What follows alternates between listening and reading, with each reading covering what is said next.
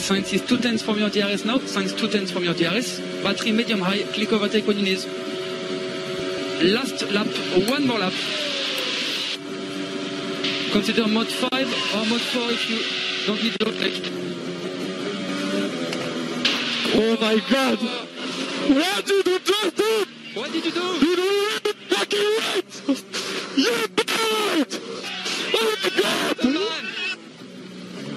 Fail 84, fail, fail 84, fail. Oh my god, guys, we did it again!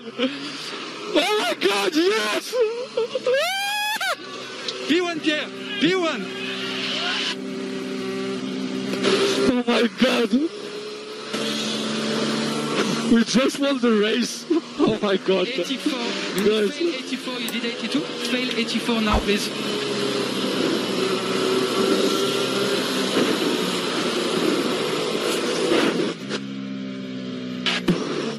Fail 82 again. Fail 82 now. Fail 82, fail. Do it now, please. Oh my god, guys! I just want to say congrats to all of you. All of you. All of you did amazing job. Alphatari on the all the engineers, all the mechanics, everybody in Faenza. Thanks to you, we, we did it! We did it! Yeah! Thank you, mate. Amazing race. You did an amazing job. I'll try not to get to I should, I, I should, I should have moved to Milan earlier. Wow! My own race now. Wow! Okay, mate, when you get into pit lane, you follow the number one bolt. And make sure you switch the car off properly, please. When you stop the car, P1, wait for the message. On P0, see you on the podium. Ja, så där lät det i söndags när Pierre Gasly tog sin karriärs första seger i Formel 1. Eh, som Mark Webber skrev, the first one is a big one. Och det får man väl ändå hålla med om att det måste vara. Och på det sättet som det skedde, Erik. A massive one, sa han till och med. Mark ja, Webber. kanske till och med det. Ja. First one is massive, så sa han ja. Exakt. Nej, men, Nej, är, eh, man är helt tagen fortfarande. Ja men det var faktiskt det liksom också, på, på något sätt så tyckte Gasly var liksom lite under radarn under racet också så att jag satt ändå så här att om jag hade någon, jag hade 51, 49 liksom eh, påhejning på Sainz. För att jag tyckte att han liksom skulle förtjäna det där. Liksom. Han var där framme hela tiden, han var bra i kvalet, han var bra i racet hela vägen.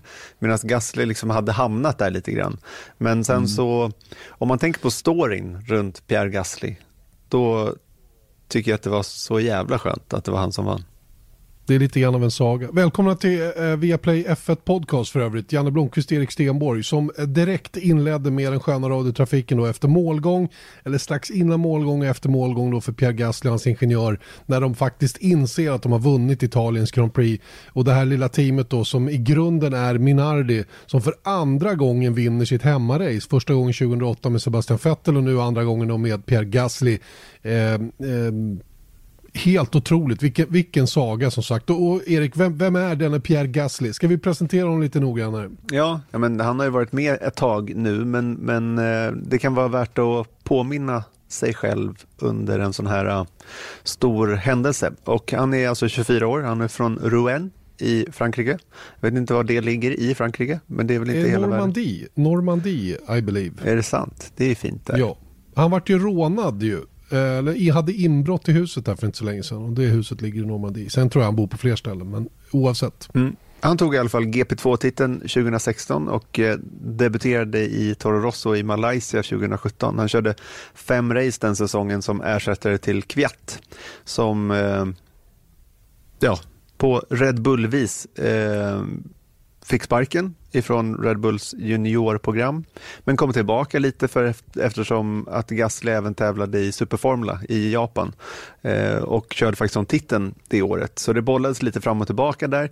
Eh, så, men i slutändan fem race var bra debut. Liksom. Om man ska debutera i Formel 1 liksom, på något vis så är det väl ganska skönt att komma in så där utan press i fem race och sen så göra en attack eh, nästkommande år, vilket han fick då 2018. Det var en bra säsong. Höjdpunkten var ju såklart i Bahrains Grand Prix då han slutade fyra, vilket var väl racet där Marcus Eriksson slutade åtta eh, och tog sina första, var det åtta eller nio? Jag minns inte. Åtta eller nio? Åtta eller nio. Nio, nio blev han. Ja. Blev Jag tror han tog två VM-poäng. Precis, och då borde det betyda nio och det var hans första poäng på väldigt, väldigt länge, vilket liksom överskuggades av det faktum då att Gasly slutade fyra. Eh, enormt resultat ju. Eh, mm. Och han blev sen i augusti det året klart att han skulle köra för Red Bull Racing 2019. Eh, vilket var en naturligt steg då när Ricciardo skulle lämna Red Bull för att gå till Renault. Och det där började ju dåligt redan på testerna. Jag tror han kraschade två gånger. Rätt hårt alltså. Och det får man inte göra under tester, eller hur? Nej, det är big no-no eftersom man har ont om delar och ja, men hela grejen med, med tester är att man behöver köra mycket och inte krascha sönder prylarna. Mm. Och han fick inte ordning på körningen under hela det året då. Så lagom till Belgiens Grand Prix i fjol då så petades han till förmån för Alexander Albon som sitter där idag då. Och det är ju rekommenderad tittning då på Drive to Survive, Netflix-serien där man får följa hela den här äh, processen då inför Belgien och under Belgien då. Eh, det var ju även den helgen då eh, Gaslys vän då Antoine Hubert förolyckades tragiskt i, i Formel 2.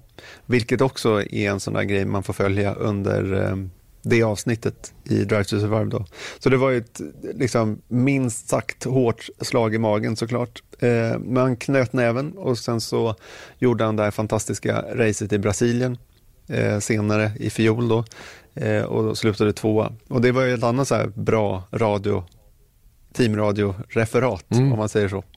Han bara skriker egentligen. Mm. Slog alltså Lewis Hamilton i dragracet upp mot mållinjen då utifrån kurva 12. Äh, fascinerande, mycket fascinerande. Som mm. jag, man kan ha stor behållning av att lyssna på många gånger. Mm. Och stark i år också för Alfa Tauri som de heter från och med i år, år då. Och inte minst i Belgien för en dryg vecka sedan då, vilket då såklart var årsdagen för Hubert. Och att han fick sparken från Red Bull då. Då blev han eh, åtta förra helgen då. Det hade kunnat bli mycket bättre eh, om saker och ting hade fallit hans väg. Och sen det här då i Italien, Alfa Tauris andra seger i, ja, Toro Rosso Alfa Tauris andra seger i F1 eh, och dessutom på Monza då, hemmaracet och Frankrikes första sedan Olivier Panis vann i Monaco 1996. Mm. Imponerande. Mm, och eh, bara plocka upp lite grann runt Pierre Gasly som, som då är en, en, eh, en kille som inte haft det helt lätt. Eh, du har ju liksom dragit eh, turerna delvis va, men, men jag skulle ändå, man, jag har ju följt honom ända sedan GP2 eller kanske ännu tidigare men, men GP2 framförallt då han kom in i det som då var Caterham-teamet i GP2. Eh, och eh, åkte in ut i, i, i Red Bulls juniorprogram. Eh, vann titeln i GP2 med Prema. Sista året det hette GP2. Um, och gjorde det för Antonio Giovinazzi och man trodde att han då per automatik skulle liksom flytta upp i Formel 1. Så blev icke fallet. Det, det, var ju lustigt faktiskt med båda de två, för både Giovinazzi och Gasly var inte heller, liksom, de, trots att de slog som titeln det året och var ganska Mm. bra, så var ingen av dem liksom självskrivna att de skulle ta klivet upp Nej, men i det här läget var ändå Antonio Giovinazzi nummer ett i Ferrari före Charles Leclerc. Eh, men bort, bort med Giovinazzi. Vi pratar eh, Gasly då. Så den här eh, att flyttas ut till Japan, vilket inte är lätt på något sätt. Jag frågar Felix Rosenqvist som körde där samma år. Eh, svårt med, med, med språk och ja, men hela, hela omställningen att hamna där borta när man har haft siktet på att köra Formel 1 istället. Och så ändå inte känna att man hade fullt förtroende från de som faktiskt står för, för kalaset ekonomiskt. Så att eh, det har varit tufft upp och ner för, för Pierre Gasly. Han har en enastående förmåga att vända svåra, svåra grejer till någonting positivt. Vilket han har gjort om och om igen. Och, och vi satt och pratade lite grann eh, förra året i Brasilien då. Eh, jag tror att det var förra året eller om det var två år sedan. Jag minns inte riktigt. Men i alla fall, vi, vi satt där, det var Marcus Eriksson, Alex L, jag eh, och någon till. Eh, och så, och så eh, bara får man en känsla av hur han är som person. Han är en väldigt eh, god kille på alla sätt och vis och, och vänlig och öppen. Um, han, han, var ju, um, han var ju då när vi pratade, jo men det måste ha varit då efter han flyttats ner ifrån eh, från Red Bull till Toro Rosso så, så var han ganska öppen med att det var inte så, så himla lätt att vara i Red Bull. Ehm, eh, väldigt, väldigt svårt att få gehör för sina egna önskemål runt bilen och hela den biten. Va? Så att, eh, nej men det, det, är, det är en kille som verkligen har studsat rätt igen och, och jag tycker man blir glad när han får vinna. Sen spelar det ingen roll hur han vann egentligen i söndags. Visst, han hade lite studs åt rätt håll. Det var rätt många som hade studs åt rätt håll å andra sidan. Så det behöver han inte be om ursäkt för. Och eh, avslutningen på racet med den press från Carlos Sainz som han utsatts för var ju himla, himla vass ifrån båda gubbarna egentligen.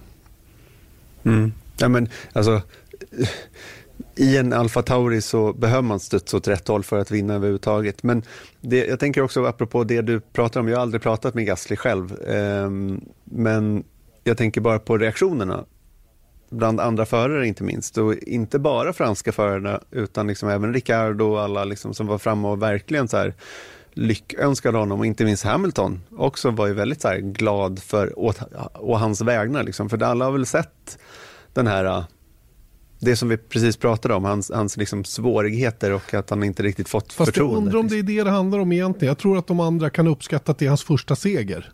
Mera än det mm. andra. Ehm, för... Jo men om man är en skön kille, jag tror att Stroll, mm. alltså nu, nu, jag känner inte Stroll heller, men, men ehm, jag tänker liksom, hade han vunnit då hade säkert många varit och klappat honom på axeln också. Eh, men jag tror inte att han är samma liksom, gemytliga snubbe i, i depån. Och då tror jag att det är lättare, oavsett trots att det är liksom en high tank Formel 1 så, så tror jag ändå att, eller jag uppfattar mm. det så i alla fall, att, att eh, det är roligare när en skön kille vinner än en oskön. Ja. ja, jag hör vad du säger, jag hör vad du säger och jag håller med. Mm. Jag håller med. Mm. då är frågan, ska han tillbaka till Red Bull nu då? Det är ju många som vill det. Jag har haft någon Twitter-konversation med en kille som hörde av sig till mig eh, angående just det. Och jag tror ju att det är det sämsta han kan göra nu, det är att gå tillbaka till Red Bull. Även om han själv säger att han är redo om de ringer. Eh, så mm. tror jag att det är precis raka motsatsen till vad han borde göra. Han ska köra ett år till med, med Toro Rosso, eller med Alfa Tauri. Och sen leta sig någon annanstans. Eh, kanske ta över efter Ocon i Renault, mm. jaga den platsen. Det är väl egentligen det enda realistiska alternativet. Eh, som jag ser det. Eh, om man ska hitta någonting bättre utan att hoppa ett snett neråt steg.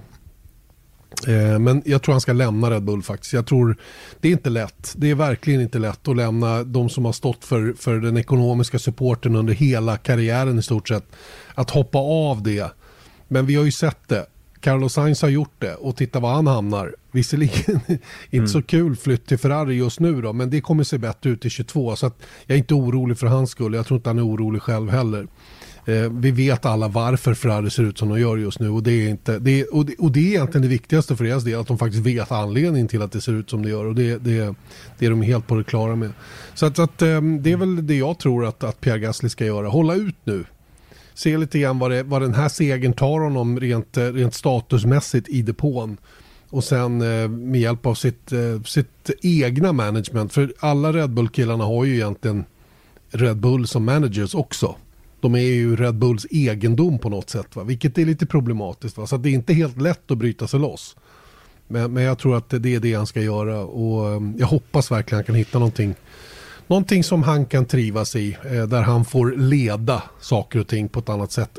Hamnar i Red Bull nu, då blir man ändå bara, liksom, du blir bara slit och släng till Max Verstappen och till mm. den inställning som teamet har. Men, och här tycker jag vi är inne på någonting lite större vad gäller just Red Bulls juniorprogram och Helmut Marko och allting sånt där som, som ändå har varit så här, det är ett framgångsrikt program. De har tagit in väldigt bra förare i Formel 1 och sånt där. Men den här hanteringen av förarna har ju ifrågasatts mången gång. Och inte minst med Gasly och Albon och allting sånt där. Och jag tänker liksom att det är just den här problematiken runt att, okay, men då skulle de göra sig av med Albon då för att stoppa in Gasly där istället. Men Albon har ju också gjort bra ifrån sig i Toro Rosso. Så det är därför han fick chansen istället för Gasly. Mm. Och jag menar, det, det, är just den här grejen att de borde nog liksom blicka lite inåt istället och se så här, vad, vad är det vi håller på med här istället. Vilket jag uppfattar att de har gjort då när de nu har sagt att ja, men Albon är vår kille. Han har lite mer, alltså, i varje fall utåt sett så har han större stöd än vad Gasly hade i fjol, tycker jag. Eh, sen så finns det ju höga krav och sånt där i Red Bull, men de har varit så här, nej men Tänk dig Brendan Hartley som ett annat exempel. Han blev liksom kritiserad av teamet, teamet utåt sett. Liksom i Monaco så var det liksom rykten som nästan Red Bull uppfattade det som liksom satte igång att han var på väg bort. Ja, men då hade de förmodligen redan bestämt sig. Och jag tror att Albon åtnjuter ja, supporten men... så länge som de har bestämt sig för att behålla honom. Så fort de inte, ja, men exakt. så fort de inte gör det, då kommer de att trashtalka honom. Va? Ja, men det, så, mm. är det ju, så är det ju alltid. Jag menar, det, men det spelar ingen roll vilken team, men problemet är att den där pressen är så sinnessjuk mm. hela tiden. Och jag tycker liksom att har en Gasly i Toro Rosso nu, jag menar han har ju, det här är ju bästa sättet att bevisa att han hade kapacitet att köra för ett bättre team än, än Alfa Tauri Toro Rosso. Mm. Genom att sluta tvåa i Brasilien, göra de här äh, så bra resultaten som man kan och sen så då efter väldigt mycket press vinna Italien, även om det studsade rätt. Så jag tycker att det där, det är ett konstigt förarprogram det där. Eh, ja, det är det ju. Eh, dels är det det eh, till viss del, men framförallt så är ju hur man driver Red Bull Racing konstigt. Eh, mm. Sättet som, som de jobbar, eh, där man inte skapar en trygghet för båda förarna utan man bara jobbar unisont åt ett håll. Bevisligen är ju sättet som Max Verstappen och Red Bull jobbar väldigt framgångsrikt. De är ju där. De mm. har ju till och med liksom hotat Mercedes och det säger ju en del om kapaciteten i, i paketet. Men när inte båda klarar att vara där och när man tappar den ena så, så grovt som man gör för det beror inte mm. på kapaciteten på Albon och det beror inte på kapaciteten på Gasly heller bevisligen. Utan det beror på andra saker. Det är ju det som är det konstiga. Det är hur teamet jobbar. Det är det som är det stora problemet snarare än själva juniorprogrammet som sådant. Eh, de, har ju, de har ju wastat, kastat bort ganska stora talanger på resans gång. Eh, grabbar mm. som, som med all säkerhet hade varit oerhört bra i vilket team som helst i Formel 1. Men, men, där de alltså på vägen bort blir liksom sållade. Jag tänker på Antonio Felix da Costa till exempel som många har velat haft i Formel 1. Som aldrig fick chansen. Mm. Jaime Algusuari som var väldigt stark. Jag menar Jan-Erik Wern som var väldigt stark. De, de är liksom bara borta. De ramlade mm. av på vägen. Algusuari han, han tappade ju liksom han tappade ju sugen helt och hållet Eh, med behandlingen som han fick då. Eh, men det har ju att göra mera med det som du är inne på, då, själva mm. juniorprogrammets drift. Men det är det där jag menar också, att då, det är rätt sjukt egentligen att vi sitter och diskuterar så här, ska han till Red Bull? Nej, det är inget bra team att vara i. Alltså, vår gut reaction är att nej, men, han måste lämna Red Bull för att ta nästa steg i karriären. Mm, mm. Det, det, är en konstig grej när man sitter i ett juniorteam för Red Bull. Hey, I'm Ryan Reynolds. Recently, I asked Mint Mobile's legal team if big wireless companies are allowed to raise prices due to inflation. They said yes. And then when I asked if raising prices technically violates those onerous two-year contracts, they said, "What the f*** are you talking about? You insane Hollywood ass." So to recap, we're cutting the price of Mint Unlimited from $30 a month to just $15 a month. Give it a try at mintmobile.com slash switch. $45 up front for three months plus taxes and fees. Promoting for new customers for limited time. Unlimited more than 40 gigabytes per month. Slows. Full terms at mintmobile.com. Det är så här, nej men där uppe vill man nog inte vara. Det har han redan provat och det gick inget bra och man vill inte vara bredvid Max Verstappen. Bla, bla, bla. Så det är bättre att han har kommit till Renault. Men det är väl just det att han har varit i Red Bull en gång som gör att vi säger som vi gör. För att uh, vi vet vad det, vad det innebär för dem alla. Hade det inte varit så, då hade man nog tänkt på något, då hade vi nog sagt, ja men nu, nu är det dags. Nu är det dags, bort med Albon nu. Upp med Gasly. Mm. Ja, men nu, nu har det ju ja. varit så. Jag menar, det, det, jag menar, det kan man ju inte Nej. sudda bort, att sättet de har hanterat det tidigare. Så att jag menar, än en gång, jag tror Gasly har kapacitet att köra en Red Bull, men vi tycker inte att han ska köra en Red Bull för det verkar vara ett, ett, ett dåligt ställe Exakt. att vara på. Ett dödgrävarhål. Ja, mm. inte bra. Gasly, stay Nej. away. Gör någonting yep. annat.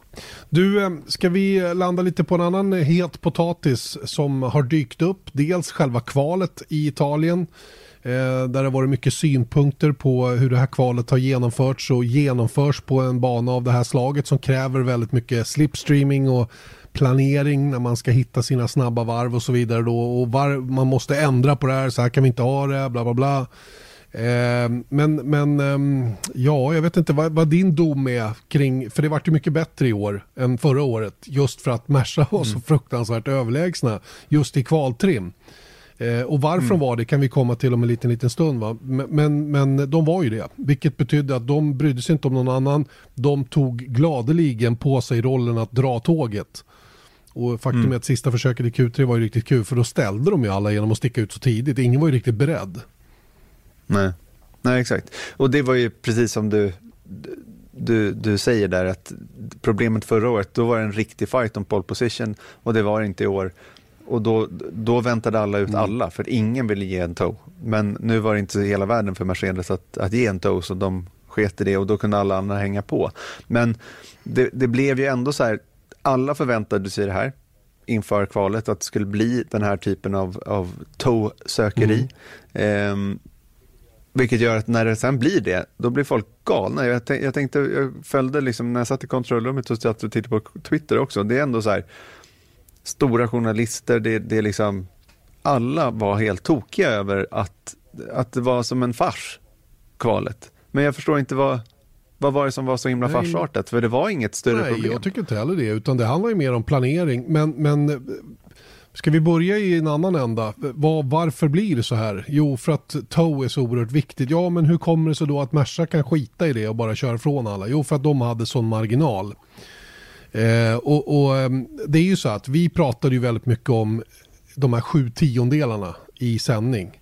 Den teoretiska mm. siffran framräknad för vad en tow betyder. Eh, och, och, den är ju, den tror jag är väldigt generös, den siffran till att börja med. Sju tiondelar är, är mer, eller det är om man träffar alldeles perfekt med allting. Vilket ingen gör någonsin egentligen. Så man kan inte rakt av säga att Merca hade kunnat varit sju tiondelar snabbare om de hade tagit hjälp av tow under sina varv. För det får andra konsekvenser och det är så otroligt svårt att tajma det där perfekt. Men det kan betyda två till tre tior utan vidare. Och de två, tre tiondelarna blir ju oerhört viktiga när vi kommer ner i fältet där det är mycket, mycket jämnare. Och låt säga Ferrari som är nowhere fartmässigt på en bana som Monza, de måste ha tow. För att inte hamna sist mm. typ. Eller vara bland de sista. Så, så för, för, deras del var ju en, en, jakten på draghjälp oerhört mycket viktigare då än för Mercedes. Som, som då optimerar uppvärmningen av däck och hela den biten istället. Så nettoförlusten för dem med att strunta i tow kanske är, inte vet jag, tre, tre tiondelar säger vi. Inte så himla mycket mer faktiskt, om jag ska vara riktigt ärlig. Va? Och bara så att alla förstår varför det är som det är. Eh, och, och, då blir det ju då när vi kommer ner längre i fältet där varje tiondel betyder kanske tre, fyra platser på griden. Där blir ju jakten på positioner oerhört mycket viktigare. Och, och det, betyder, det är också värt att jaga draghjälpen för utan den så är man ingenstans. Så, så även mm. om det då strular till sig för många så var det ändå värt att försöka för att utan det hade det ändå inte hjälpt någonting.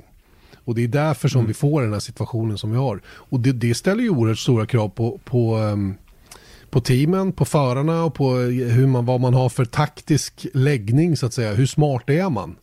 Och sen hade vi ju den här då som stökade till det ännu mer, den här minimitiden som alla måste hålla sig till. Och när det då fortsatt blir väldigt tajt marginal på just den minimitiden, inte på klockan på själva kvalsegmentet, men på minimitiden, så, så stökar det ju ännu mer om hur man måste köra för att linea upp.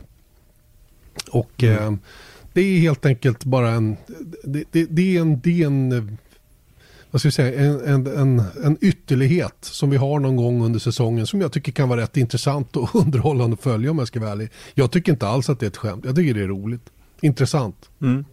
Jag hade samma, samma känsla där också. Och sen så var det någon som frågade oss på Twitter också. Du kan bara dra den grejen att vi pratar mycket om dirty air, alltså turbulens, vilket förstör downforcen, vilket är ett problem då. Det är därför man inte kan köra om på många banor. Eh, Medan här då var tow någonting bra. Att man ville ligga nära en annan bil framför just, men det är egentligen av samma anledning. Så dirty air i, på en kurvig bana som Mugello, där vill man ha avstånd till bilen framför så att en, ens egen aerodynamik på sin egen bil ska funka så bra som möjligt. Men det är för att det svänger hela tiden där.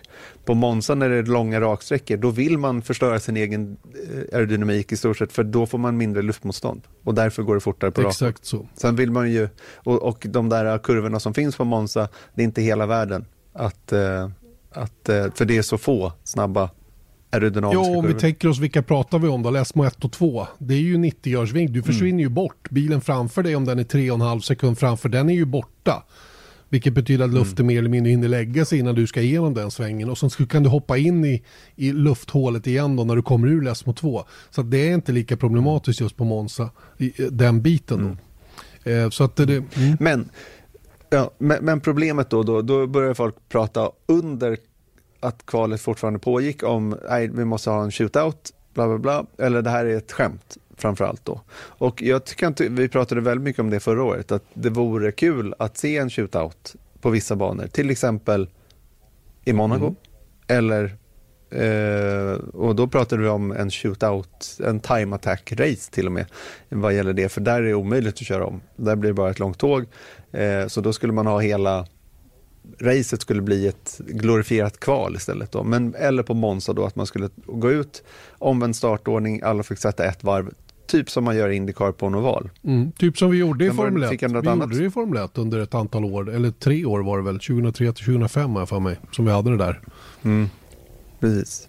Så att om det här då är ett problem nästa år om, av eh, Mercedes av, av någon outgrundlig anledning inte är lika dominanta, eh, då skulle det kunna vara en lösning på en, en, i alla fall ett annorlunda sätt att genomföra kvalet på.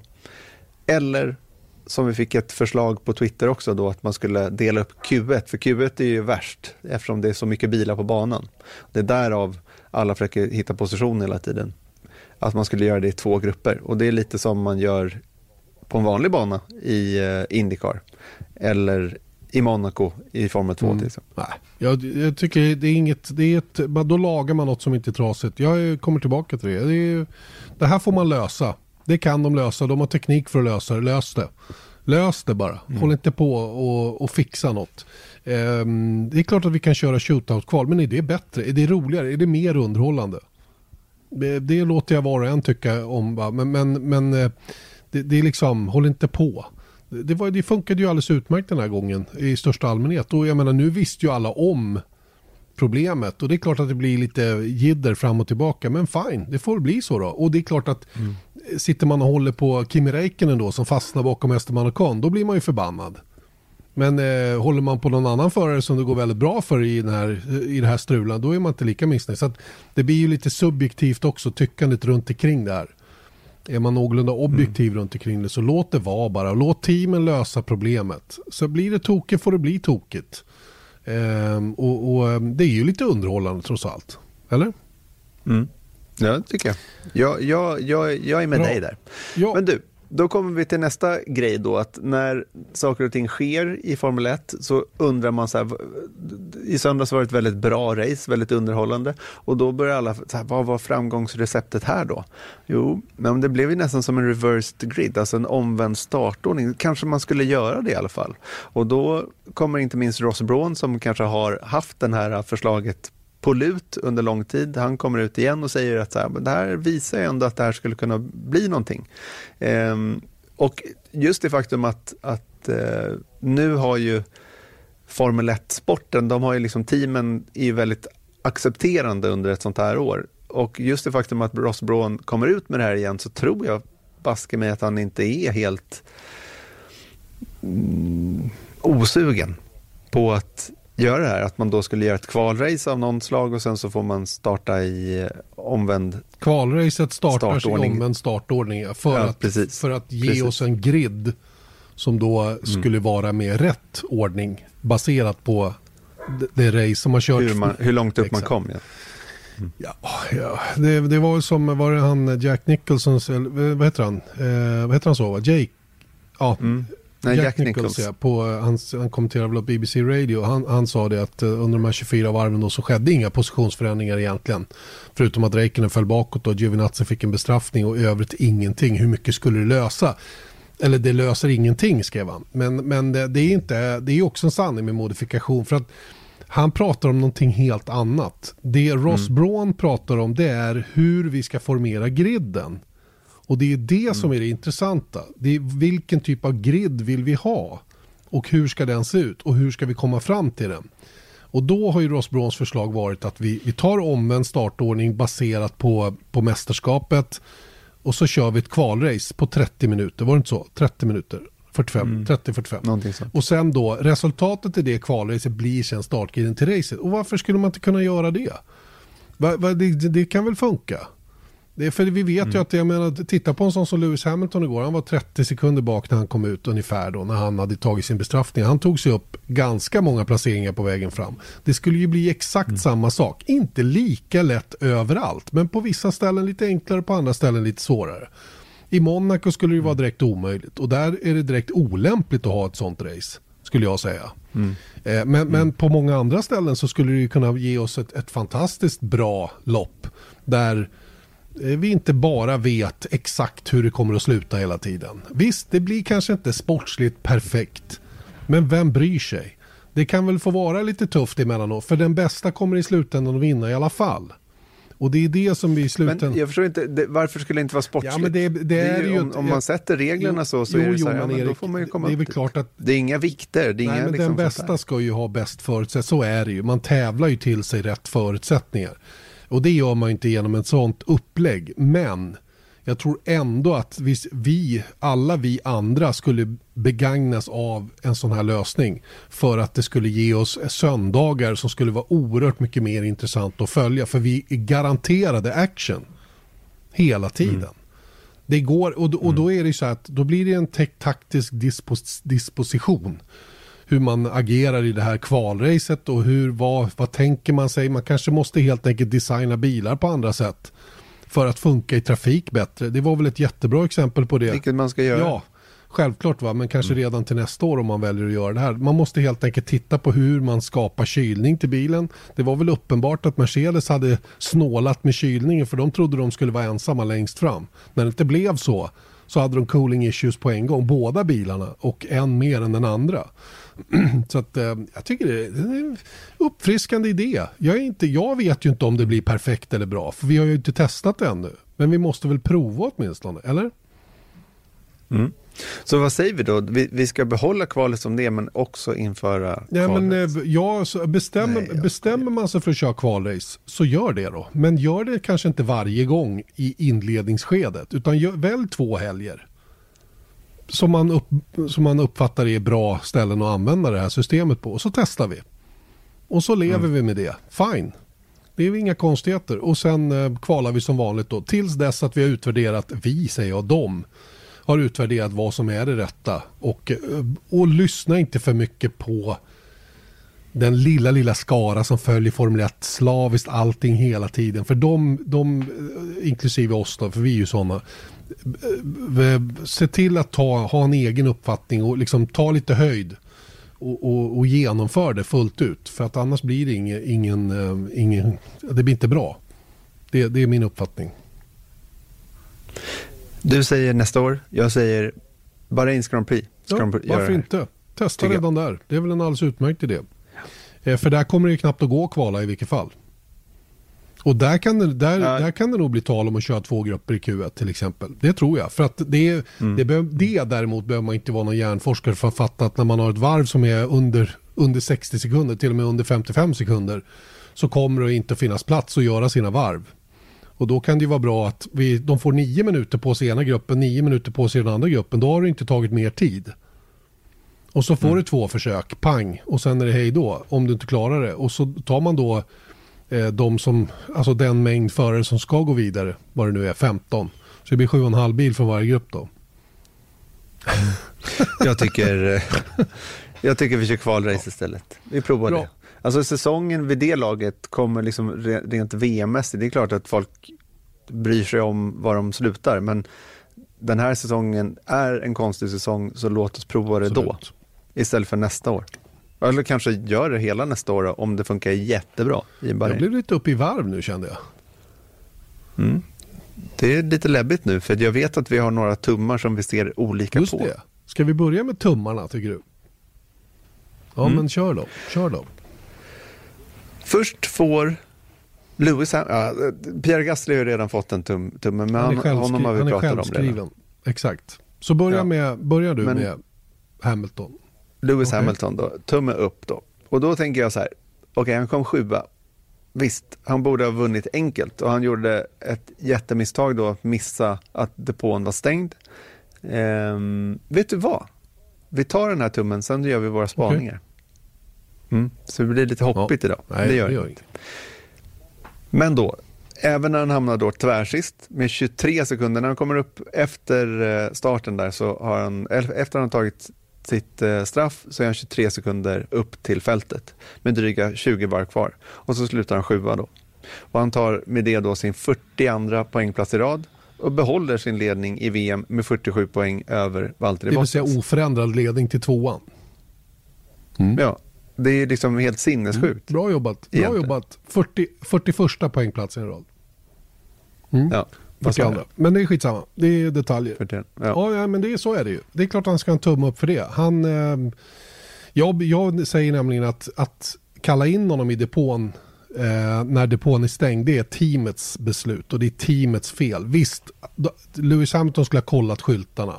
Och i de här så kallade event notes som finns ifrån varje, varje tävlingshelg innan helgen så står det också var man ska titta, hur det ser ut in i depån.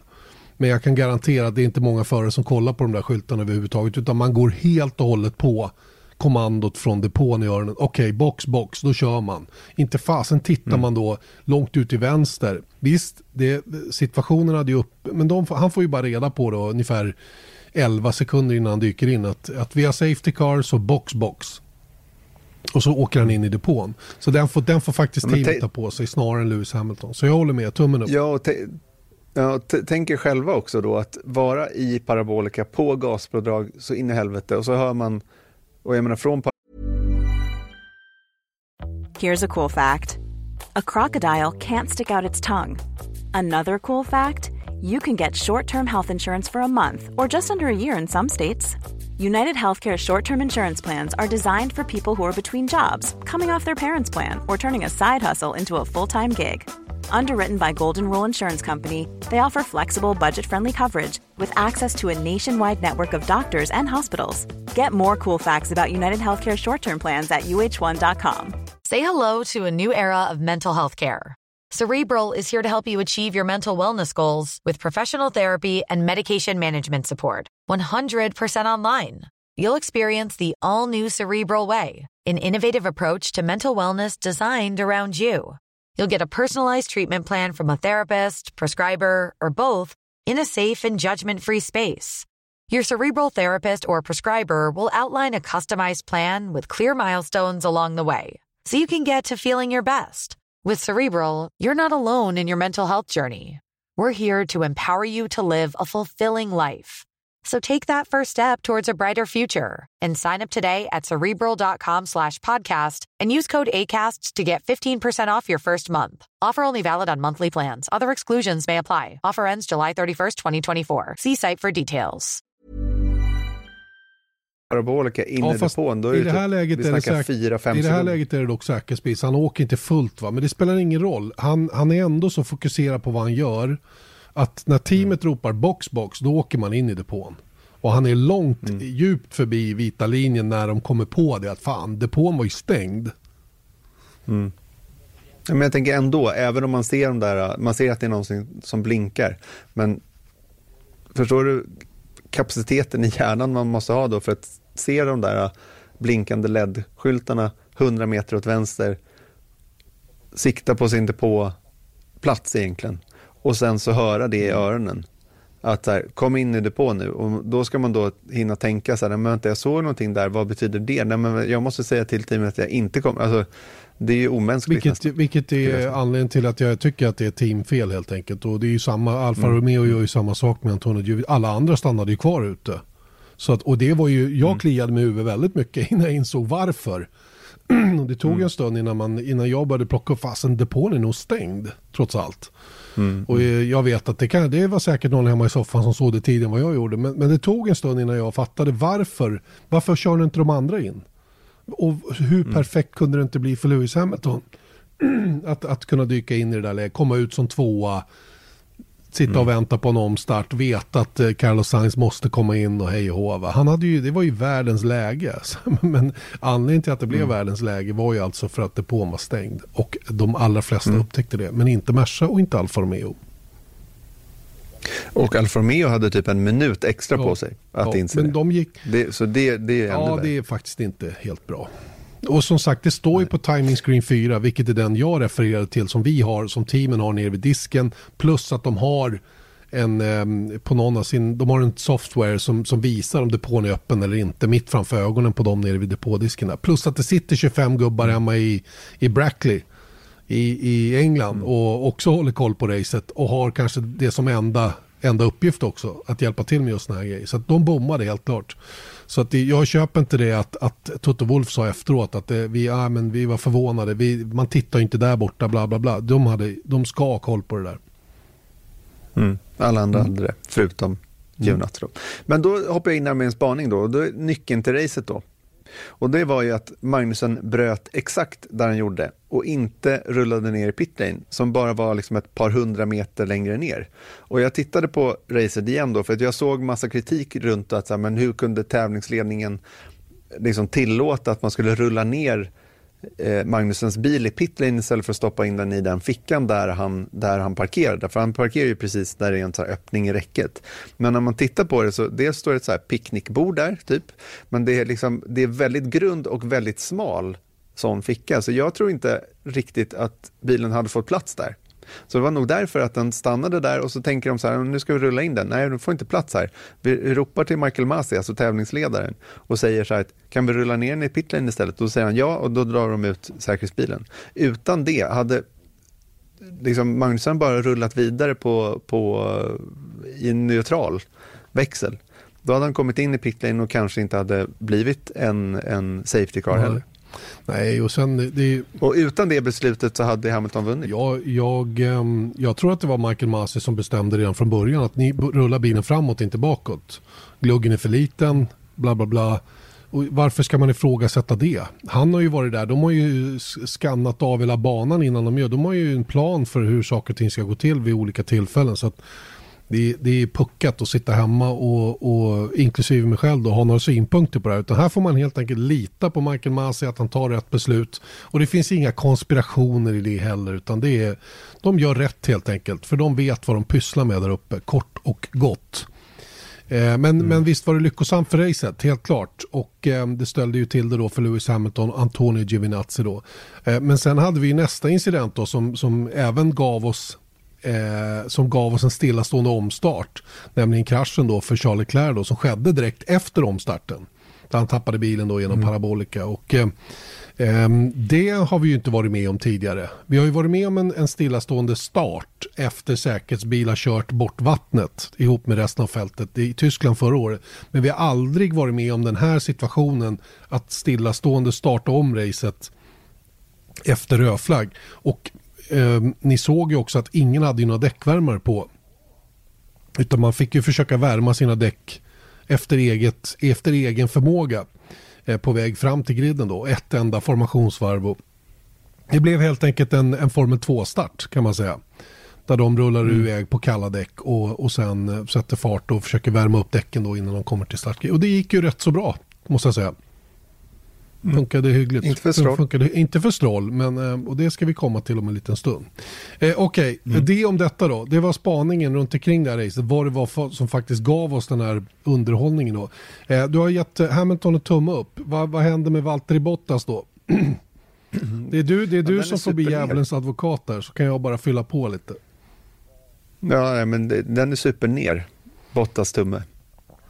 Han hade cooling issues, men kom igen, det hade Hamilton också. Och det här var ju, och det, det är det här som är så störande extra då, att han startar tvåa, väldigt nära i kvalet på, på Hamilton då. Men sen så bommar han starten igen för typ tredje gången i år av åtta race. Och det här var ju hans chans. Det här var ju hans chans att verkligen kunna ta in 25 poäng och då, hade han gjort det, då hade vi liksom du vet, det hade fortfarande varit över 25 poäng, men vi hade kunnat se liksom ett litet skimmer av att han, han är inte helt uträknad. Med en sån här resultat, att han slutar femma, när, Ham när Hamilton är sist med 24 varv kvar och slutar sjua. Det, det, det är liksom, det går Nej, inte. Det gör det faktiskt inte. Och som sagt, de här eh, cooling issues då som de pratar om, det är ju på motorn då. Vi spekulerade att det eventuellt var bromsarna, vilket är ganska vanligt på just Monza. Eh, men, men efter ett tag så började vi väl ana också att det kunde vara motorn då som, som eh, man helt enkelt hade problem. Och vi fick ju det bekräftat också att det, jag, kan inte, jag kan inte racea med de här inställningarna säger han. It's, it's a joke var ju beskedet från Valtteri Bottas då som inte kunde attackera helt enkelt för att motorn överhettade på en gång. Och, och eh, han fick ju hela tiden gå ur bilen framför varma luft eller luften bakom framförvarande bil då, för att få kylning. Och det där är återigen någonting som teamet får ta på sig och någonting som hänger ihop med det nya tekniska direktivet runt motorerna. Eh, att eh, de nu var ju uppenbart väldigt aggressiva runt inställningarna på, på motorn inför kval, vilket carried over då, som följde med in i racet. Eh, och där blev det lite för mycket. Det hade funkat om de hade fått lägga kvar längst fram, vilket de naturligtvis helt kallt räknade med, just för att de hade kommit fram till att de hade ett superövertag på det övriga fältet i kvaltrim. Så, så att, eh, hade, det plan, hade de åkt på räls som de brukar, då hade allting funkat perfekt. Men nu gjorde det inte det. Och då bet det tillbaka ganska ordentligt, i synnerhet då för Valtteri Bottas. Och det var samma problem för, för Lewis Hamilton eh, eh med, med kylning. Det syntes tydligt att han ganska snabbt han kom ikapp andra bilar, var tvungen att gå ur eh, luften fram, bakom framförvarande bil. Men han är ju mycket mer effektiv i trafiken. Han bom, bom, bom, han kör ju förbi sina bilar. Okej, okay, han fick jobba genom eh, en del av fältet som kanske inte är den snabbaste delen och det hade tagit stopp för honom också förr eller senare. Eh, men, men, men, eh, det är ju det här som är Valtteri Bottas problem. Han racear ju för dåligt. Han, är, han, måste bli, han måste bli bättre på den bilen. Killen är ju supersnabb över ett varv. Oerhört snabb över ett varv. Nästan lika snabb som den bästa eh, och i vissa fall bättre. Men han racear ju för dåligt. Han funkar ju superbra, tar segrar relativt enkelt när han får kontrollera ett race från spets. Utan, men så fort att det blir lite bekymmer så, så fastnar han. Och det är inte första gången det händer. Mm. Och det här eh, gör att jag håller med om att den här tummen ska ner för Valtteri Bottas. Det, det är inte okej okay att bli femma. Det är inte okej okay att göra den typen av... Jag vet inte vad det var för förklaring han kom med runt starten. Han, var, han hade som disturbances. Vad är det för någonting? Mm. Jag menar, det, det, de har saker att titta på för hans del. Eh, nu är det ingen ko på isen. Han gör jobbet i Merca. Han ser till att de vinner konstruktörs-VM. De har vunnit konstruktörs-VM ihop med Valtteri Bottas och Lewis Hamilton sen Bottas kom dit 2017. Så så tillvida är han ju den perfekta teamkamraten. Men, men eh, jag vet ju att det här rör upp massa känslor hos eh, finska fans naturligtvis som tycker att Bottas är eh, sjukt bra och inte får samma möjligheter. Det har ju spets på av Christian Horner i helgen som säger då att de favoriserar Hamilton före Bottas. Men varför ska de inte göra det? Vem är det som vinner här egentligen? Och, och jag menar, det, det, är ju inte, det är ju inte det är, om eventuell favorisering sker så är det ju först när saker och ting har kristalliserat ut sig tydligt vem som är hästen att hålla på här. Mm. Ja. Do better. Och jag menar, vi har pratat många gånger om att Bottas, liksom, ja, att han är den perfekta andra mannen i, i Mercedes, men jag tycker det är lite, så här, det är lite tragiskt också om han bara sitter där. Mm. Och, och liksom gör det han kan. Då, liksom. det, det, det, jag vill inte tro I det. den form han var i söndag så vet det 17 om han ens är topp 10 bland förarna i fältet. Det är ju det som är problemet han har. Ehm, mm. ja. Sen, sen eh, ja. kan, det är ingen absolut sanning, verkligen inte. Va? Utan det, det, men, men eh, så känns det i alla fall just nu och eh, såg ut som i alla fall för hans del.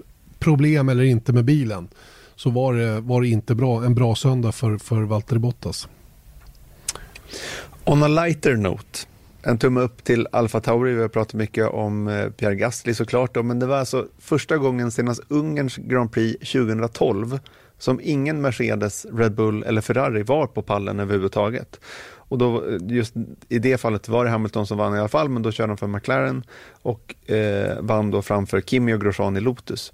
Och senaste gången ett stall stod högst upp på pallen, förutom the big three, alltså Mercedes, Red Bull och Ferrari, var i Österrike 2013. Mm. Det är sjukt ja, det är alltså. Det. det är det. Det var alltså sju år sedan som någon annan än Red Bull, Ferrari eller Mercedes vann ett race i Formel 1. Vilket är grundproblematiken i Formel 1 som förhoppningsvis kommer att åtgärdas på sikt. Men eh, väldigt, väldigt mm. uppfriskande. All cred till Mercedes som är superstarka. Va? Men det var oerhört uppfriskande med någonting annat längst fram den här gången. Och jag hoppas att vi kan få se det fler gånger. Men, eh, men eh, så som Mercedes i normalfallet fungerar. Vi får se lite grann hur det här motortekniska direktivet kommer att spela ut framöver. För nu fick sig som sagt Mercedes en liten minnesbeta här att det är en sak att kvala längst fram och kontrollera racet men händer någonting då har man jättesvårt att komma tillbaka från det om man kör motorn på det sättet. Så jag tror att man kommer att dra sig tillbaka någon procent eller några Samtidigt som de andra märkte att fan vi höll, i bak, vi höll kanske tillbaka lite för mycket. Då kan de ju närma sig från båda håll. Vilket mm. rimligen kan, kan ge lite jämnare kval åtminstone. Eh, mm. Eh, Alfa Tauri är nu bara 14 poäng bakom Ferrari, vilket kommer, då, då, ska vi ner i avgrunden igen för att ge en tumme ner till Ferrari. För som Sebastian Vettel påpekade i söndags då, tack gudskelov att Ferraris tifosi inte fick vara på plats på Monza. Ja, de rosade ju inte marknaden direkt. Ingen av dem tog sig i mål till att börja med. Den ena med en, ehm, vad var det, en exploderad bromsledning. I alla fall brann de bromsarna vänster bak och han hade ju inga bromsar när han kom till slutet på start och målrakan där inledningen på racet. Och för Charles Leclerc då blev det kanske lite tendens på överkörning där genom parabolika, tappade kontrollen och det tog i ordentligt i, på utsidan där i däckbarriären för hans del. Så att eh, dålig, dålig helg, punkt. Mm.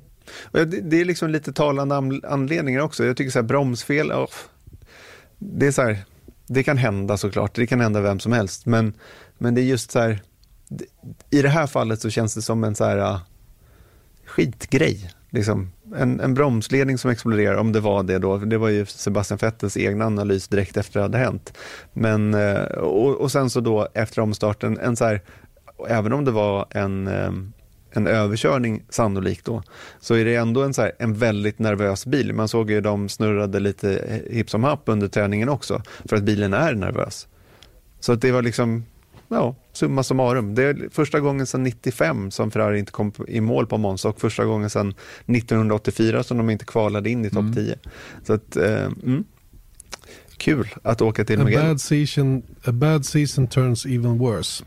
Nej, visst, självklart mm. är det ju det. Men, men återigen, du märker att det är inte, du hör ingenting från Ferrari. Det är inte det här, och jag tycker inte heller att, eh, att um, opinionen i Italien är speciellt så här eh, krävande just nu om att huvuden ska rulla och hela den biten. Va? Och istället så går ju um, Louis Camilleri ut och säger att vi behöver stabiliteten och det ing löser ingenting att sparka Binotto eller den biten. Va? För att alla där är medvetna om varför det ser ut som det gör. Det löser ingenting att hålla på och stöka om i infrastrukturen på ledarsidan eller någonting. Utan nu gäller det att titta framåt och se när nästa öppning att göra förbättringar kommer. Eh, så, så att det, och det tycker jag de gör helt rätt i. De, bara, de, de har verkligen bara böjt ner huvudet och tar smällarna på ett sätt som är lite imponerande ändå sett till den situation de har hamnat i. Va? Men man det finns ingen anledning att tycka synd om Ferrari. De har verkligen ställt sig i den här, satt sig i den här situationen alldeles på egen hand och eh, får helt enkelt tugga i sig. Eh, och det kommer inte att bli någon rolig avslutning på 2020 och frågan är hur rolig 21 blir för deras del också. Men eh, nu är, kommer det att ställa stora krav. Och st alltså, förarnas mentala styrka kommer att ställas på höga prov och hela den grejen. Så det, blir, eh, det blir tufft framöver. Mm. Nu är jag en spännande tumme som jag vet att vi är lite oense om. Och det är en uppåt-tumme till Lance Stroll som slutade trea mm. i söndags. Och på pappret en självklar tumme upp. Men eh, sett till mm. de förutsättningar han hade tycker jag faktiskt inte att det är en tumme upp. Um, jag vet inte, vill du utveckla din tumme upp först så kan väl jag utveckla min tumme ner sen. Mm. Jag tänker så här, för att jag, jag, förstår var du är på väg med den där äh, tummen ner för Stroll. Men jag tänker också så här att det här var hans andra pallplats i, i F1. Att komma på podiet, sen så är det hela grejen den här, det som vi pratar om med Gasly, att så här, man behöver liksom lite studsa rätt och hej och hå. Liksom, och I slutändan så har han en pallplats. Och om man tittar på VM-ställningen nu mellan Lance Stroll och Sergio Perez så kan man konstatera att Lance Stroll är fyra i VM. Han är samma poäng som eh, Lando Norris i, eh, eh i McLaren då på 57 poäng. Men han är fyra i VM oavsett hur han kom dit. Sergio Perez är 11 i VM på 34 poäng. Så att han har, vad, vad blir det? Det blir eh, 23 poäng mer än, eh, än Perez i det här mm. läget. Och det tycker jag är så en grej som ger det här lite tid. Om det här fortsätter in, in i mål 2020 så, så slog Lance Stroll Sergio Perez 2020. Och det, anledningen dit kommer alla andra glömma bort. Är du klar? Därför en tumme upp. Ja, jag är klar. Nej men det är ju så är det ju. Det, det går inte, det är ostridbart så att säga det du säger. Men eh, och det är, då är det precis som jag säger. Okej okay, om vi tittar på pappret här så här ser det ut. Ingen tvekan, tumme upp. Både på säsongen så här långt, både på racet senast och, och liksom de, de, hur, hur han tar sig framåt. Från att ha varit ganska omdiskuterad i Formel 1 rent allmänt och var han nu befinner sig då i, i tabell och hela den grejen. Va? Problemet jag har med Lance Stroll är att han är inkonsekvent, en inkonsekvent förare. Han är en dålig eh, omkörare, inte speciellt bra. Visst, han gjorde en rätt så skarp omkörning nu efter att ha missat då i samband med omstarten. Va? Men just det faktum att han gjorde som han gjorde i omstarten. Han har världens läge att vinna racet. Han hade kanske den allra snabbaste bilen utav de där tre som hamnade på pallen. Men istället för att ta, dra, dra nytta och ta vara på den så, så bommar han istället. Va? Han gör, precis, det var ju en seger att förlora snarare än att vinna en tredjeplats för hans del. Och det är de här grejerna som, som jag inte, jag är inte övertygad om Stroll ännu. Han är en jätteokej Formel 1-förare, verkligen. Va? Annars så skulle han inte ligga på den, den positionen i VM där han ligger. Och han, han, det är inte så att han inte förtjänar att vara i Formel 1 och sådana där dumheter. Utan det gör han med all, all, all säkerhet. Va? Men jag tycker inte han är jag tycker han, eh, han, är för, han gör för mycket misstag. Han gör för mycket misstag. Misstag som, som kostar honom väldigt mycket. Va? Och som han själv lite rycker på axlarna åt efter. Va? Jag fick massive wheelspin i starten som man säger. Va? Det fick inte alla. Trots att de, det var fler än han mm. som körde på kalla mediumdäck. Han gör en supersen inbromsning in i Dalarodja-chikanen och är faktiskt tjänar på det nästintill. Eh, där han kommer ut på banan efter det. Eh, blir omkörd, tar tillbaka någon position och sen så pacear han sig på tredje plats. Har aldrig med segern att göra överhuvudtaget. Inte överhuvudtaget. Och eh, att, han, att han leder över Perez i VM beror ju på att Perez till att börja med missade två race. Eh, det mm. kan vi inte skylla på Stroll om. Det får ju Perez ta på sig givetvis, men det är ett fakta det också. Eh, och, ehm, och ehm, det, vi, vi, får se lite grann hur den här säsongen rullar, rullar ut för deras del. Va? Men ehm, Stroll har några små saker fortfarande att bevisa för mig i alla fall innan jag tycker att han liksom har, ska ha en klockren tumme upp. Mm. Nej, men jag, jag, håller med om allt det där också, men jag tänker så här, om man ser det i ett, vi, vi tar ett exempel som är en lite större perspektiv. Säg så här, nu är vi i slutet av 2020. Han har, eh, det har inte kommit några sådana här chockerande resultat så att han leder fortfarande över Perez med eh, 15-20 poäng i slutet av säsongen. Och sen så får eh, Perez lämna, lämna plats åt Sebastian Vettel. Och då kan man säga så här, ah, men alltså att de tog bort Perez istället för Stroll. Perez är ju mycket bättre. Då kan ju Lawrence Stroll eller Racing Point säga så här, men vadå? Han slog ju Perez i VM. Men det var fan, då är vi nere mm. på en diskussion som är så ja, men, låg rent det, kunskapsmässigt så det blir ju orimligt. Absolut, men det är ju ofta jo. så. Jo, men man glömmer jo, ju bort det. Men... Och så tittar man på, på statistiken. Kolla på Marcus Eriksson mot mm. Nasser, kolla mm. på Marcus Eriksson mot mm. Wehrlein, bla bla bla. Och då, det kan man dra där Självklart, också. Självklart, men då blir ju diskussionen på för låg nivå för mig. För då är den inte värd att föra. I min värld i alla fall. Utan då vill jag lyfta det till någonting som som, men det är klart man kan föra den typen av argumentation men den blir, den blir dum-dum på något sätt och inte, mm. inte rimlig. Då, då är man inte tillräckligt noggrann i sin analys. Jag tror inte alla Nej, det är klart att de inte är. Men, och det är det som men, är grejen. och det är väl det du vill lyfta fram här. För jag vet att du är mm. noggrann i mm. din analys i vanliga fall. Så, så det är liksom därför det blir lite... Jag skulle hävda att jag är mer noggrann än dig i min analys nu. Just för att jag tror att det är så här det kommer jo, se. Jo visst, men analyserar vi då vad, hur folk ska se på Stroll eller hur han de facto är? Ja, det, det spelar ingen roll. Det och då kommer det. vi till en intressant tumme ner här, för du ger ju Perez en tumme ner. Ja, och det är just den här grejen att han ska också ta de här chanserna. Men han måste ju ha lite hjälp av, Av- av eh, ja visst, självklart. Han ska ta chansen. Ja. Så är det. Ja. Och nu i helgen då, i, på Toscanas Grand Prix på Mugello, vinner han inte då, då är han delad tvåa tillsammans med Heidfeld, eh, sett till antal race utan seger i Formel 1, på 183 stycken. Det är för jävligt dåligt för Sergio Perez. Han är Ja, värdelös, vi han får skicka över en, en påse med matjord helt enkelt och stoppa i fickorna nu så att han har lite flyt. Mm.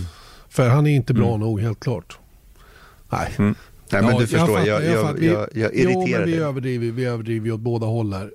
Eh, på, på det hela taget så är ju Stroll Perez en ganska bra line-up i år. Och titta på hur mycket poäng de har tagit trots allt så är de ju de är med i matchen. De jagar tredjeplatsen i konstruktörs-VM eh, tillsammans med några team till som vi ska komma till. Men, men det är ju, jag tycker det är, det är ett spännande team och, och som sagt Stroll, Stroll ska inte ha oförtjänt skit. Men nu börjar han komma upp på den nivån där man faktiskt kan detaljbedöma honom lite mer än vad man kunde tidigare. Det var lättare att avfärda Stroll förr. Men det går inte längre. Nu får man börja titta på varför blev han ba- bara trea. Tänk att man pratar om Stroll som bara trea. Och det är, dit, det är dit jag kommer i min analys av honom så att säga. Va? Så det är, inte, det är inte att jag tycker att den är en kass racerförare, verkligen inte. Tvärtom. True.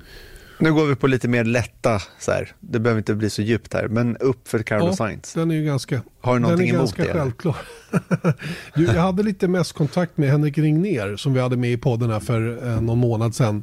Som, eh, som alltså är videograf då på McLaren. Han skrev att det kommer bli en helt crazy video efter den här helgen. Eh, och jag Mm. skrev då vilken, vilken, eh, vad bra ni var och vilken, vilken stämning det verkar vara i teamet och så vidare. Han, han menar på att det är, det är helt, helt, helt vansinnigt just nu. Vilken medvind Mm. McLaren har. Eh, För medvind har det ju faktiskt inte varit för Sainz hela vägen. Han var ju till och med lite kritisk inför den här helgen och tycker att det har varit rätt mycket sumpade poäng som inte är honom till last så att säga. Då. Eh, Men den här gången tog han verkligen revansch på allting och han var ju verkligen tvåa i det här racet oavsett rödflaggor, gulflaggor, säkerhetsbilar. Ganska bekvämt dessutom, som jag ser det. Och det är det som jag gör att han är racets egentliga stora vinnare då i det, i det, i det stora hela. För även om, om Hamilton hade sprintat iväg så hade Sainz troligen blivit tvåa i vilket fall som helst. Imponerande. Och se som det kan gå när man lämnar Red Bull. Ja, verkligen. va. Eh, ehm, Scott Mitchell har skrivit blogginlägg på min blogg eh, på teknikensvärld.se där han är inne på just det att de här som lämnar Red Bull visar sig, eh, visar sig värda ändå. Och eh, hans tes är väl också att, att, eh, att Gasly på något sätt ska försöka se sig om efter något annat än ett Red Bull-team när han får möjlighet till det.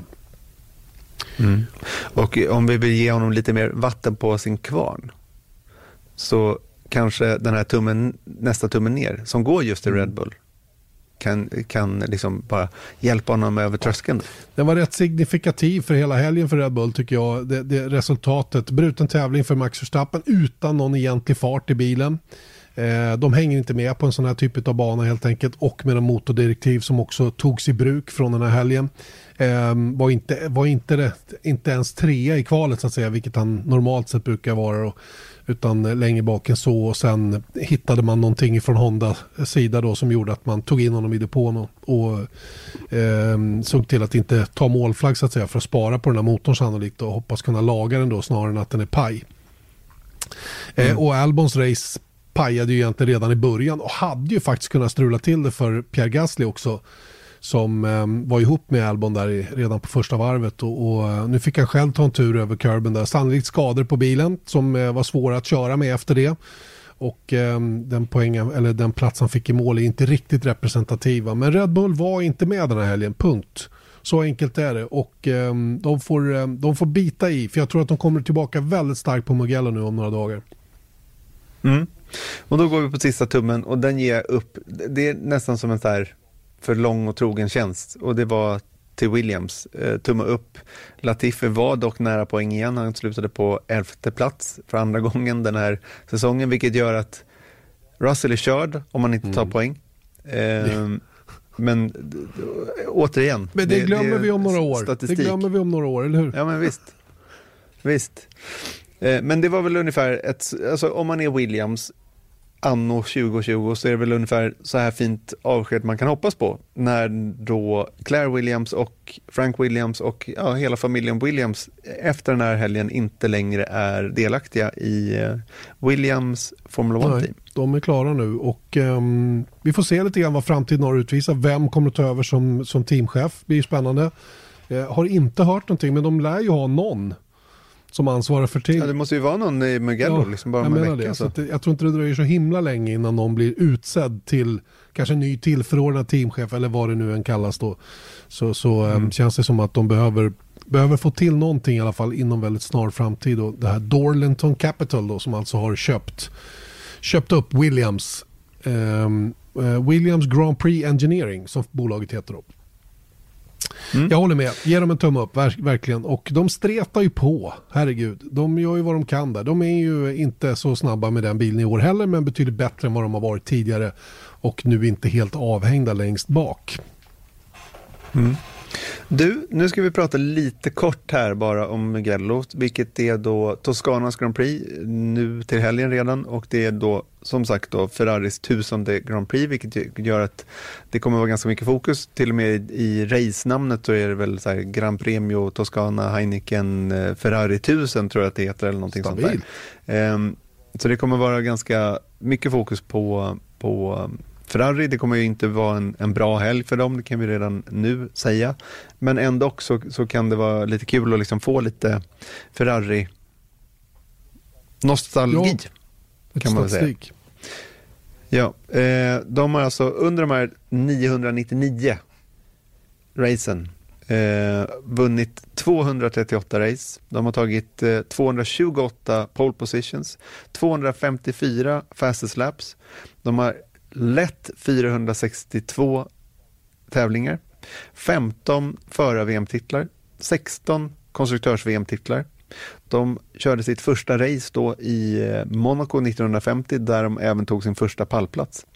Eh, sin första pole position tog de i Storbritannien 1951 och sin första seger, även det, i Storbritannien 1951. Så det är ett, ett eh, historiskt team och en historisk helg som väntar oss på mm. Mugello. Som Ferrari även äger, banan Just det, alltså. Ja, det blir intressant att se hur, um, hur um, de kommer att ta sig an den här helgen och framförallt vad de kommer att vara, eller de vet ju vad de kommer att vara. Eh, de kommer att ha någon speciell, eh, speciell livery på bilen om jag förstått saken rätt. Någon lite mera, den ska mm. se ut lite grann som den här bilen från 1950, va? var det så?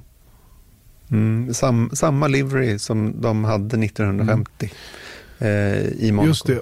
Och um, det blir ju eh, knappast någon omkörningsfest på Mugello. Eh, banor, en bana med mycket sväng i sväng. Eh, svår, svår på alla sätt och vis att, att liksom ja, tror jag hänga med andra bilar så som bilarna är konfigurerade numera. Men som du har skrivit här en stark DRS över start och mål. Kanske den starkaste DRS-effekten på hela säsongen. Ja, enligt eh, liksom dataanalyserna inför den här helgen så, så de har bara en DRS, eh, ja, en raksträcka egentligen som kan ha en DRS. Eh, eh, ja, en DRS raksträcka helt enkelt. Och då har de då mätt det och det ser de då kommer att vara den starkaste DRS-effekten under säsongen med förväntad plus då 21 km i timmen extra när man har den mm. öppen.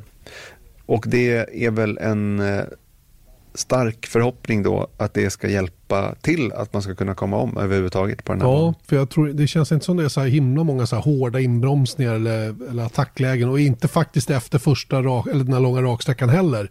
Det är en ganska lång, eh, lång högersväng, lång radie inte någon superhård inbromsning och sen en, en, ving, eller en, ja, en hårnål kort och gott, utan det är en ganska stor öppen, öppen sväng där. Vi får se lite grann och Formel 1-bilar idag har ju väldigt mycket fart med sig in i kurvan. Vilket gör att bromssträckan blir ju en, enormt kort där. Så ska du om så lär det nu vara så att du är med hjälp av DRSen upp och förbi innan bromsningen för att genomföra det. Mm. Och det är lite trist om det blir så. Mm. Men, men ehm, det är nog banans konfiguration, är jag rädd. Mm.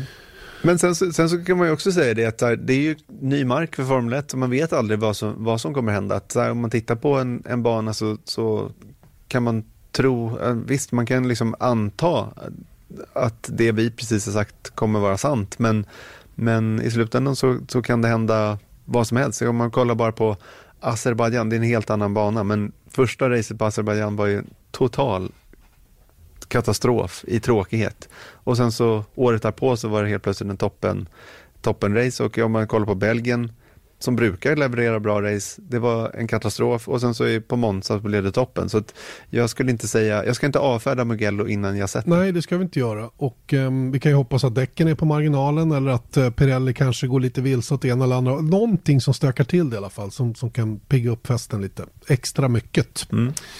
Eh, det om detta. Eh, avslutningsvis så vet vi nu också att det är en doubleheader i Indycar kommande helg. Eh, Mid Ohio kommer in efter att guvernören i Ohio då sagt okej okay till, eh, till, ehm, till arrangören då att, att kunna få publik. De behöver ta in 10 000 mm. människor va? för att ehm, gå runt på eventet. Och eh, Mid Ohio är ju en speciell bana för eh, svenskt vidkommande. Felix Rosenqvist tog sin första pallplats förra året när han var tvåa väldigt knappt slagen av Scott Dixon den gången. Eh, Marcus Eriksson däremot bröt efter kontakt med James Hinchcliffe, hans teamkamrat förra säsongen. En ny doubleheader, båda svenskarna nog väldigt, väldigt sugna på det. Marcus Eriksson nybliven 30-åring. Mm. Eh, och eh, ser fram emot det här. Jag pratade med Marcus igår och eh, han ser väldigt mycket fram emot en ny tävlingshelg. Eh, sugen på att köra hela tiden egentligen och, och har naturligtvis jobbat vidare då med att peppa sina depåkillar så att de får ordning på det här med, med depåstoppen, att de blir snabbare och hela den biten. Det finns mycket att vinna där. Eh, inte, så mycket, inte så mycket att vinna på att gnälla på dem utan mer peppa och försöka komma rätt med, med hela den här biten. Och det hoppas vi att de kan göra då, eh, Mid Ohio. Som ni ser båda racen mm. då eh, på Viaplay, Viasport Extra och Viasport Motor. Är det mm. rätt uppfattat? Jag, har, jag tycker att det ska bli väldigt kul. Alltså det här är första racehelgen på en traditionell bana. Eh, sen Road America då, det var ju början av juli. Eh, och då gick det väldigt bra för båda de mm. där två eh, svenskarna alltså. Och sen så har det varit tre, ja det var vad är det, fem, fem race sen dess på ja, ovaler. Två på Gateway, två, två i Iowa och ett på Indy 500. Mm, precis, så att eh, ja, men jag ser väldigt mycket fram emot den där grejen. Jag tror bara att, liksom att Ganassi är bra på den här banan om man ser till förra året och då tänk och då de var bra på Road America också så att jag tror att vi, jag har höga förhoppningar och därav har jag jag kan nästan säga med säkerhet nu att vi har fått in träningen den här mm. också. Så att lördag, söndag eh, kommer det köras hela tiden.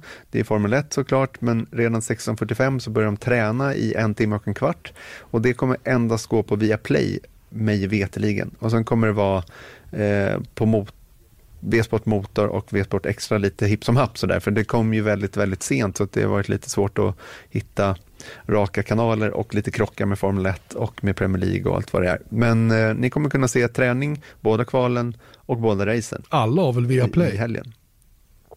Eller hur? Ja, det, det, är väl, det är väl en mänsklig rättighet numera. Mm. Det tycker ja, jag. Du, du ska få en sista spaning av mig innan vi stänger butiken och det gäller fortfarande Formel 1-loppet. Jag är fascinerad över sportens förmåga att eh, studsa tillbaka när den som mest behöver det. Eh, kommer du ihåg efter Frankrikes Grand Prix förra året och vi var så missmodiga och tyckte livet var så värdelöst tråkigt och det hände ingenting i sporten och alla bara kräktes och tyckte att nu lägger vi ner. Då fick vi sex eller sju race på raken som var otroligt bra. Spännande, underhållande, mm. starka. Och precis samma läge tyckte jag det var nu efter spa med den här totala fullständiga utskåpning som Mercedes hade på resten av fältet. Eh, och, så, och så kommer vi till, till, mm, till Monza. Du och jag satt och pratade innan racet och du sa det, min magkänsla är att det kommer att hända grejer den här helgen. Och jag sa bara glöm det, det blir ett långt tåg av bilar, det kommer inte hända ett skit. Och vi kan bara vi kan bara vända blad och vänta på nästa race. Det är fascinerande faktiskt. Så att jag går in i den här helgen på Mugello med ganska gott mod. Jag tror, jag tror, nu är det min tur ha magkänsla som är åt, åt det hållet att det faktiskt kan bli lite upset den här gången också. Hoppas det i alla fall. Vad händer om vi båda har bra ja, magkänsla? Blir, det är minus och minus måste bli plus. Så enkelt är det. Eller så är det i mm. matematik. Fast är det väl två plus så blir det minus. Nej men det här minus är ju magkänsla. Det är ju lite så här orolig mage. Så här, det är minus säger vi. Jag, jag, jag tolkar det så. Ah, okay. Jag tolkar det så. Ja, ja men jag, vi, vi, vi kör Bra. på det. Jag tycker det Bra. låter bättre. Missa nu ingen racing till helgen. Både Formel 1 och Indycar alltså. Det är väl, även MotoGP är väl tillbaka till helgen. Är de inte det? Jag tror de kör på Misano. Misano ja. Just det. Så det är Italien för deras del också då. Eh, även om det kallas väl för San Marinos Grand Prix när man kör på Misano. I alla fall så vitt jag kommer ihåg. Väldigt häftig bana. Hur som helst, nu stänger vi eh, denna Formel 1-podd för den här veckan. Vi är tillbaka om eh, sju dagar igen. Häng med oss då. Tack så länge säger vi då Janne Blomqvist och Erik Stenborg. Hej då! Hej då!